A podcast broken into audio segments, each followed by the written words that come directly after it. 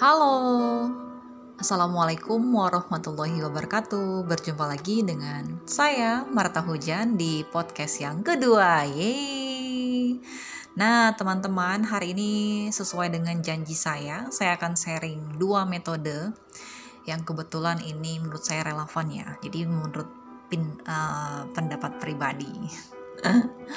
nah, jadi teman-teman, hari ini saya akan membagikan dua teori uh, pembelajaran yang menurut saya relevan uh, itu ada STEAM dan juga multi, uh, multiple intelligence.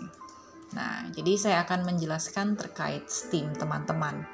Mungkin di sini sudah pernah ada yang mendengar terkait STEAM ya. Jadi singkatannya adalah Science, Teknologi, uh, Seni, Matematika.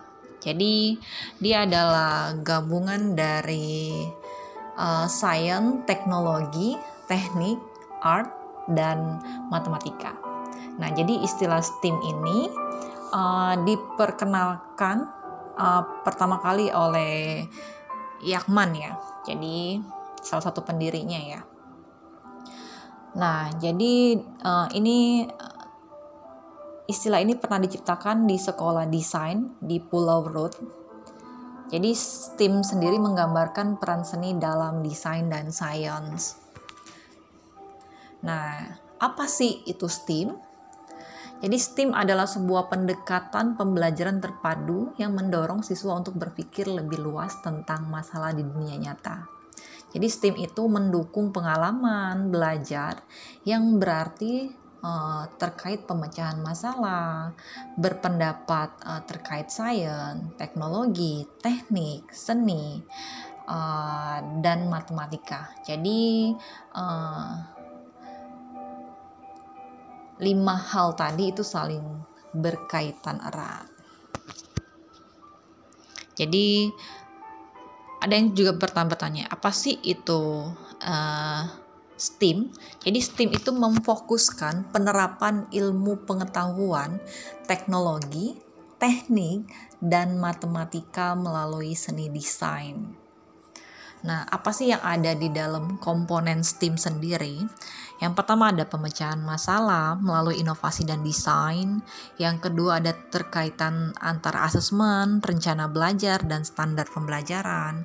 Ketiga ada kombinasi lebih dari satu subjek dalam STEAM dan kegunaannya dalam seni. Uh, yang keempat ada lingkungan pembelajaran yang kolaboratif dan proses uh, based learning. Yang kelima ada fokus pada hal-hal yang terjadi di kehidupan. Jadi di dalam model pendidikan STEAM ini, seni tidak hanya dianggap sebagai subjek tersendiri, tetapi sebagai titik akses ke semua mata pelajaran lainnya dan juga sebagai inovasi. Nah, apa sih uh, keuntungan dari pembelajaran STEAM ini ketika di dalamnya menggabungkan sebuah seni dalam sains dan teknik seperti dalam model STEAM? Nah, jadi banyak sekali ya teman-teman ya jika saya membahas terkait STEAM ini. Kenapa sih uh, tiba-tiba uh, metode ini yang sangat sangat menurut saya uh, sangat saya sukai gitu. Karena uh, saya akan membahas dari science jadi, uh, proses mencari tahu tentang dunia dan cara kerja dengan mengeksplorasi, mengumpulkan data, mencari hubungan dan pola, serta menghasilkan penjelasan dan ide dengan menggunakan bukti. Jadi, sains itu bisa dilihat secara nyata.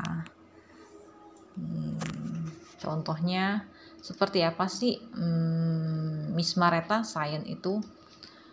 Hmm, Terus apa sih Miss Maritime berkaitan dengan sains? Sesuatu yang bisa dia lihat secara langsung, sesuatu yang bisa dia eksplorasi, sesuatu yang bisa dia kumpulkan datanya, sesuatu yang bisa um, membuat dia menghubungkan atau menarik sebuah kesimpulan. Misal dia mengamati sebuah bunga.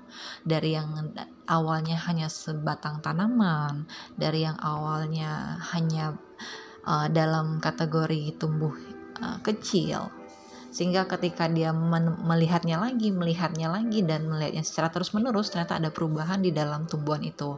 Entah dari tinggi badannya entah dari uh, apa namanya tuh uh, timbulnya bunga ataupun uh, berkembangnya menjadi ada sebuah bunga. Nah itu adalah sains ya jadi dia mengeksplorasi uh, teknologi. Jadi alat yang dia rancang jadi bagaimana sih ketika dia memiliki sebuah tanaman atau dia memiliki sebuah tumbuhan atau dia memiliki sebuah uh, sayuran bagaimana sih biar supaya tanaman saya bisa berkembang dengan baik, biar saya bisa menjaganya, biar tidak diinjak orang lain, maka dia akan mem memikirkan terkait dari alat teknologinya. Nah, mungkin dia akan menyiapkan uh, sebuah pot yang cantik, sebuah pot yang efisien, atau dia memikirkan untuk meletakkannya di sebuah benda yang ia rancang yang menurut dia uh, tanaman dia akan terus aman dan selamanya aman sampai nanti tumbuh besar. Nah, engineer tadi teknik. Jadi setelah teknologi dia akan memikirkan tekniknya. Entah dia membuatnya dari sebuah kardus, entah dia membuatnya dari sebuah plastik, entah dia membuatnya dari botol bekas, dan entah dia membuatnya dari hal-hal yang lain. Nah, setelah tadi dia um, merancang, terus dia membuat, dan akhirnya dia uh, bagaimana ya biar tanaman saya terlihat cantik. Nah, mungkin dia menambahkan pita, menghias warna, atau dia memberikan sebuah pakaian di apa namanya itu di alat yang dia rancang atau mungkin di pot bunga itu dia meng, uh, mewarnai bebas atau memberikan sebuah sentuhan sentuhan sehingga membuat potnya terlihat cantik dan di sini juga akan berkaitan erat dengan matematika. Di mana sih uh, hubungan matematikanya? Ya, hubungan matematikanya adalah dari bagaimana dia memikirkan pertama kali hal hmm, oh tumbuhan saya tumbuhan atau tanaman saya bertambah besar nih berarti apa adanya dia mengetahui kalau oh ada ukuran yang dari awalnya kecil menjadi besar. Terus dia juga mengkonsepkan sebuah alat itu juga berhubungan dengan matematika. Bagaimana dia mengukur, oh uh, besar dari tanaman saya disesuaikan dengan potnya dan lain sebagainya. Dan bagaimana dia memberi hiasan sentuhan itu entah dia memotong sebuah kain atau dia menempelkan sebuah biji-bijian sehingga dia akan uh, menghitung oh aku tempel 10 bijian deh atau uh, aku potong bentuk segitiga deh untuk hiasan kainnya dan lain sebagainya. Nah menurut saya untuk uh, materi tim ini sangat cocok untuk anak yang memang uh, suka dengan sebuah aktivitas tidak hanya belajar itu tidak hanya duduk tidak hanya mendengarkan tapi dengan dia belajar dia mendapatkan sentuhan dia mendapatkan sebuah eksplorasi dia bisa bereksperimen bahkan dia bisa membuat sebuah permasalahan atau dia bisa memecahkan sebuah masalah dan akhirnya dia menemukan solusinya. Dan di sini anak sangat-sangat dibebaskan dalam hal bereksplorasi. Jadi di eksplorasi ini anak akan mengamati, mengajukan pertanyaan, merancang, uh, memprediksi, menguji, uh, bahkan sampai di titik memecahkan masalah. Nah, uh, oleh karena itu, STEAM ini merupakan pembelajaran yang dapat melibatkan anak secara aktif dan untuk menstimulasi aspek perkembangannya.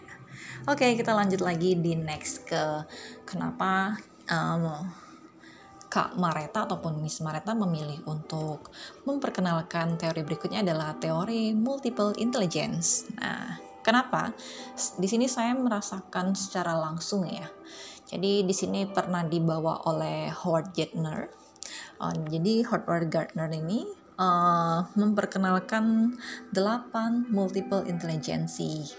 Jadi uh, menurut Howard Gardner di sini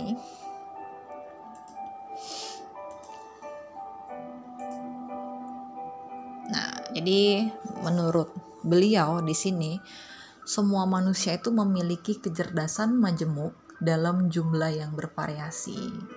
Jadi setiap orang itu memiliki perbedaan profil intelektual. Kecerdasan ini terletak di bagian yang berbeda dari otak dan dapat bekerja secara mandiri atau bersama-sama.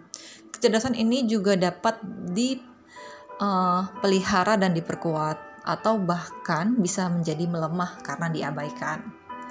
Nah, jadi uh, saya sangat setuju uh, terkait uh, 8 multiple intelligence ini ya. Jadi kalau di ada beberapa pendapat menyatakan bahwa ada 8, ada 9. Kebanyakan 9 jenis kecerdasan di sini.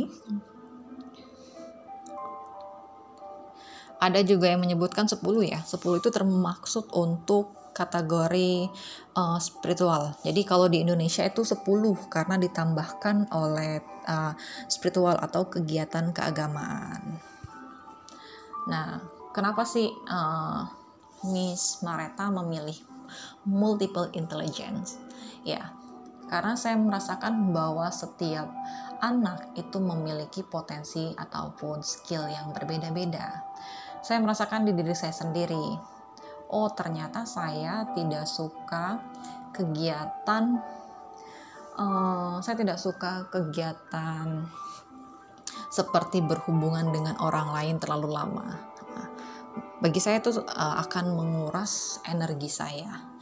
Apa sih yang kamu sukai? Saya lebih suka musikal, saya lebih suka matematika, uh, saya mungkin lebih suka ke kegiatan seni dan lain sebagainya. Nah, jadi di sini bukan berarti 9 kecerdasan ini ataupun 10 kecerdasan ini itu berarti kita semua ataupun anak-anak memilikinya. Tidak. Mungkin ada dua tiga kecerdasan yang dimiliki mungkin ada empat yang dimiliki tapi juga bisa berkurang ketika teman-teman abaikan dan teman-teman tidak asah. Karena ini menyangkut skill ya. Jadi nah di tengah kondisi Indonesia saat ini dengan banyaknya penduduk, banyaknya angka pengangguran, menurut saya itu bukan karena ke, bukan karena banyaknya orang ataupun sedikitnya peluang kerja, tapi mungkin uh, banyak orang yang sekolah tapi tidak banyak orang yang memiliki skill. Jadi untuk saat ini sangat diperlukan sekali skill tersebut. Nah, makanya saya memilih uh, metode ini. Kenapa? Karena ke depan anak-anak kita nantinya itu harus memiliki beberapa skill yang mungkin awalnya dari sekedar menyukai, terus menjadi sebuah hobi dan lalu di, diarahkan oleh kedua orang tuanya untuk ditekuni secara dalam.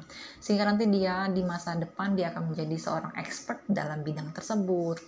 Misal ketika oh ternyata anak saya ini suka menyanyi. Nah, terus uh, lama-lama dia sering menyanyi. Terus kita juga ikut bernyanyi bersamanya. Terus ketika setelah kita ikut bernyanyi bersamanya dan kita tawarkan bagaimana kak kalau kita ikut les vokal? Boleh dan dia mau. Jadi sesuatu yang kita akan melihat apa sih potensi terdalam anak saya? Dan kita sebagai orang tua mungkin akan menyadari oh ternyata anak saya ini suka nyanyi. Jadi kenapa harus dipaksakan untuk belajar matematika? Ketika anak saya sukanya menari lalu kenapa dipaksakan untuk menjadi seorang eksperimen atau seorang saintis atau seorang uh, yang lain di luar dari potensi dirinya jadi kita harus sangat cermat untuk melihat uh, apa sih potensi terdalam anak saya sehingga potensi tadi bisa kita ikut senangi uh, dan kita kasih effort. Wow, mama suka, kamu suka itu, wah hebat sekali ya, kamu bisa melakukan itu. Nah, ketika dia mendapatkan dorongan, motivasi dan support dari orang tuanya, maka anak itu akan terus bersemangat untuk mengasah potensinya. Dan ketika kita lihat, oh ternyata memang anak saya berbakat nih di bidang menyanyi. Nah, maka itu ada kesempatan untuk Anda mengarahkannya. Tidak harus mengeleskannya. Bisa jadi Anda belajar di YouTube, di internet dengan semua kecanggihan yang ada sekarang. Mungkin Anda bisa menjadi tutornya, tutor sederhananya. Oke sayang, coba kita belajar dulu ya dari sebut A, A, A, A. Coba kita tarik nafas, buang, tarik nafas, buang seperti itu. Jadi kita bisa menjadi tutor yang sangat sederhana dengan kemauan kita untuk belajar demi anak. Nah itu. Kebetulan saya saya tidak memutuskan untuk berhenti belajar sampai detik ini karena saya akan menggali banyak potensi yang ada. Uh, sejauh mana perkembangan dunia berjalan untuk pada akhirnya di mana saya nanti tidak kekurangan untuk memberikan atau mm, menyalurkan apa yang saya punyai kepada anak saya nanti. Jadi harapan saya ketika saya mempunyai banyak skill nanti anak saya bisa belajar sendiri dengan saya. Dan itu menghemat. Jadi uh, jadi balik lagi ke yang tadi uh, coba lihat potensi terdalam anak anda. Coba untuk mencermati halnya mencermati dirinya mencermati hal-hal yang memang mungkin selama ini anda sempat abaikan atau Anda anggap itu hal sepele. Nah, mungkin dari sana Anda bisa mengembangkannya dan membawanya, bahkan mengarahkannya sampai nanti dia menjadi seorang expert di bidang tersebut. Nah, itulah dua metode yang bisa saya berikan untuk hari ini. Kenapa saya berikan dua metode itu? Mungkin sudah tahu ya apa sisi dari positif untuk uh, metode itu dan mungkin bisa relevan dipakai di masa pandemi ini ya. Jadi STEAM itu mengurangi kebosanan anak dalam hal menatap layar Zoom terlalu lama, melakukan aktivitas yang uh, jatuhnya rutinitas sehariannya seperti itu, seperti itu, seperti itu saja. Mungkin um, di sini um, orang tua dan teman-teman bisa memberikan solusi pembelajaran yang lebih baik dan saya tidak menitik beratkan bahwa dua metode itu adalah metode yang terbaik untuk selamanya. Tapi mungkin bisa relevan dipakai di masa pandemik ini. Dan selama dicoba semuanya, hmm, untuk um, multiple intelijensi itu sangat mudah sekali ya. Jadi ketika kita melihat kemampuan dia, hal-hal yang dia sukai, dan Anda membelikan ataupun memfasilitasinya, saya rasa Anda tidak perlu waktu lama untuk mengajaknya melakukan kegiatan hal tersebut. Dan semoga setiap orang tua, setiap teman-teman mendapatkan metode yang terbaik, memberikan metode yang terbaik, menstimulasi metode yang terbaik, dan selalu belajar untuk uh, terus mengembangkan potensi uh, dan mencari metode-metode yang terbaik untuk anaknya. Jadi mulai dari anak dilihat apa yang sebenarnya anak saya butuhkan, apa yang sebenarnya harusnya saya lakukan apa yang sebenarnya cocok dengan anak saya, bukan anak orang lain, bukan anak tetangga, bukan anak siapa A atau sampai Z, tapi itu adalah anak Anda ataupun itu adalah uh, yang ingin Anda berikan dan sesuaikan dengan potensi lingkungan ataupun kecocokan dari sistem tersebut terhadap anak Anda. Nah, terima kasih untuk hari ini. Mungkin itu saja sharing saya terkait dua metode yang saya janjikan kemarin. Sampai jumpa di podcast yang ketiga, di mana saya akan membahas terkait belajar dan mendidik. Uh, belajar, mengajar, mendidik. Bagaimana caranya belajar dari anak, bagaimana caranya mengajar untuk anak, bagaimana caranya mendidik untuk anak. Terima kasih. Bye bye. Wassalamualaikum warahmatullahi wabarakatuh.